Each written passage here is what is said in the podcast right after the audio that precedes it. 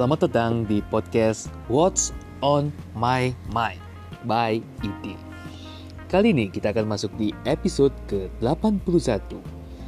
Episode ini merupakan bonus episode ke-26 dari season 1. Kali ini kita akan membahas tentang cara untuk pindah jasa layanan hosting podcast. Episode ini akan rilis 1 Maret 2021. Mari kita dengarkan. Ya, halo teman-teman. Kembali lagi bersama saya Iti. Ya, akhirnya saya sudah mulai kebiasaan saya, rutinitas saya untuk merekam podcast. Jadi, uh, rutinitas yang sering saya lakukan itu merekam ya, bikin judul, kemudian merekam, kemudian bikin cover artnya captionnya terus detailnya ya tentang podcastnya. Jadi Anchor sangat mempermudah kerja saya dalam hal mengarsipkan ya apa aja yang sudah saya lakukan selama proses perekaman dan merapikan lah. Jadi terima kasih Anchor dan ini tidak disponsorin ya cuma saya sudah sebutin promosinya di bagian adlibs. Jadi teman-teman, kali ini episode yang cukup teknikal ya. Cara untuk pindah jasa layanan hosting podcast. Nah, kebanyakan orang juga bingung pak. Kenapa pak harus pindah pak? Kenapa kita nggak bertahan aja di tempat yang lama gitu? Kalau saya sih belum ada kepikiran ya mau pindah ke jasa layanan hosting yang lain ya. Makanya saya disebut di awal Anchor ya. Saya semua dari episode awal sampai harapannya sampai berakhir juga tetap di Anchor karena saya berterima kasih banyak terhadap Anchor ya. Mewujudkan salah satu cita-cita saya jadi penyiar ya. Penyiar walaupun cuma penyiar podcast. Setidaknya saya punya titel baru sebagai podcaster ya dan cukup dikenal sebagai podcaster. Nah kemudian ini teman-teman juga harus tahu ya kita harus cek ulang ya RSS feed Anda. Dan pastikan tidak ada error ya. Jadi cek satu persatu dan udah anda klik bisa masuk gitu ya.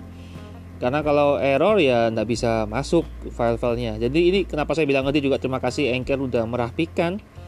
Karena RSS feed yang disediakan oleh Anchor ini sudah sangat rapi dan tidak ada batas ya. Saat ini saya belum tahu batasnya maksimal berapa. Belum menyentuh angka batas itu. Tapi yang setahu saya ada beberapa jasa layanan hosting itu yang memiliki batas maksimal ya jadi terima kasih kembali lagi Anchor ya. Kemudian pastikan Anda cek jumlah episode Anda akurat gitu ya. Makanya saya juga punya buku tentang podcast saya sendiri ini. Jadi saya tulis semua skrip saya satu demi satu per episodenya, poin-poinnya. Dan kalau saya sih nggak pakai wording ya teman-teman ya, nggak detail kata demi kata apa yang saya mau ucapkan itu capek teman-teman kalau saya hanya poin-poin aja apa yang akan saya sampaikan di episode saya gitu ya nah ini saya kebetulan cukup rapi untuk masalah penulisan jadi saya ada buku saya ini saya sudah tahu nanti saya kasih background apa di awal di tengah lagunya apa akhir juga apa kemudian saya rilisnya tanggal berapa, harinya tanggal kapan, terus saya nulis materinya tanggal berapa. Contoh kayak hari ini kemarin teman-teman dengarnya kan tanggal 7 Juli ya. Ini tanggal 8 Juli ini saya rekamannya. Oh, bukan, rekam. Saya menulis materinya 2020 tahun lalu. Jadi ya, harapan saya juga seperti itu teman-teman ya. Teman-teman juga punya bank materi.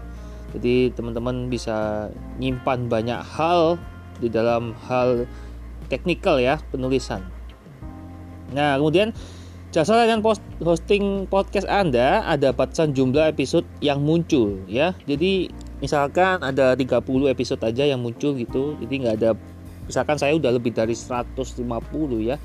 Kalau di total mungkin udah ada 200-an gitu.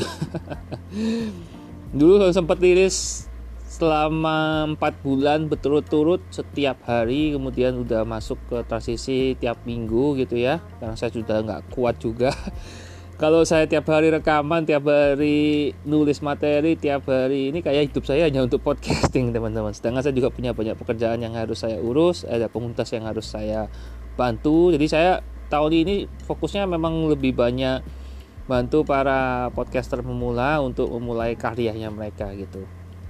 dan kalau teman-teman bilang pak apakah ada biaya aja lain ya saya inginnya namanya juga bantu ya teman-teman ya jadi saya juga punya komunitas namanya podcaster mentor and coaching. Di situ teman-teman bisa belajar banyak dari para podcaster yang lebih mulai duluan intinya sih gitu teman-teman ya. Ada juga yang sudah cukup lama di podcasting ada yang masih baru relatif baru dan rata-rata mereka ngerjain karena ada project ya project tentang podcasting gitu. Nah itu sih awal mulanya saya bikin komunitas itu. Nah ini jika ada uh, member yang berbayar dan anda dapat akses secara full episode. Nah ini anda harus tahu ya. Karena kalau member yang sudah berbayar ini kan mereka juga bingung nanti gimana nih kalau udah pindah host jasa layanan hosting? Apakah kita masih bisa mendengarkan episode yang lama yang sudah kita dengarkan lagi apa kita download itu? Atau bagaimana? Itu semua harus dicantumkan ya teman-teman ya secara rapi gitu penulisannya. Nah sebagai catatan nih rata-rata ada batasan 100 episode nah bisa bisa diatur ini masalah permutar, perputarannya ya teman-teman ya di bagian pengaturan nah makanya saya bilang tadi sepertinya Anchor belum ada batasan ya saya udah lebih dari 100 episode jadi terima kasih Anchor. Uh, saya berharap saya juga tidak ada rencana untuk pindah dari Anchor. Jadi saya sebutin lagi Anchor ya.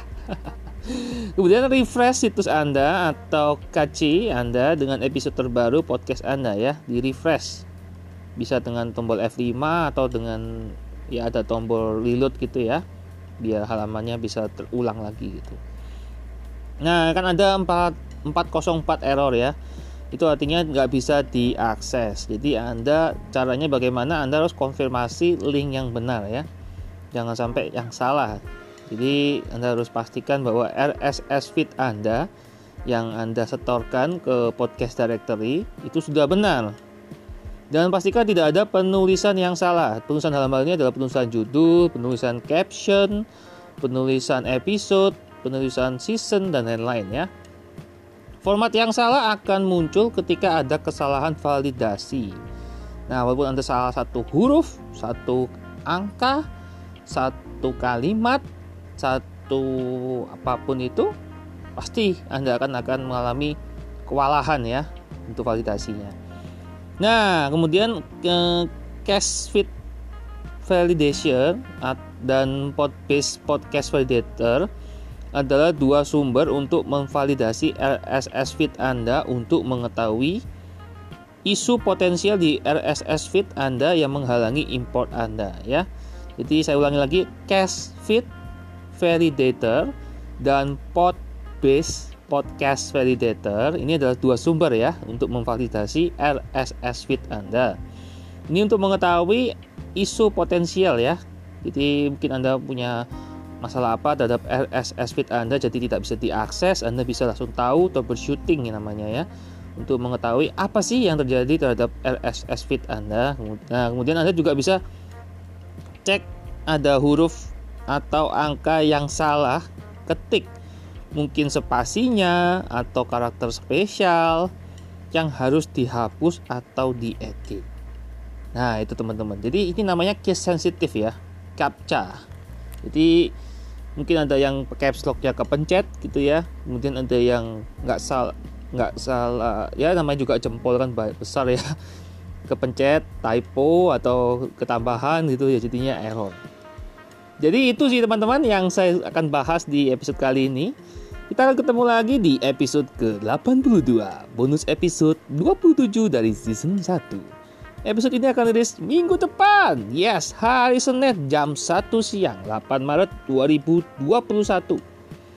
Nah, saya akan membahas tentang bagaimana cara mendistribusikan podcast Anda secara manual. Wah, jadi penasaran? Dengarkan podcast saya What's on My Mind by IT di Spotify, di Anchor, di Apple Podcast dan layanan podcast di mana pun anda berada dan Anda sukai. Sampai ketemu di episode berikutnya. See you when I see you. Thank you everyone.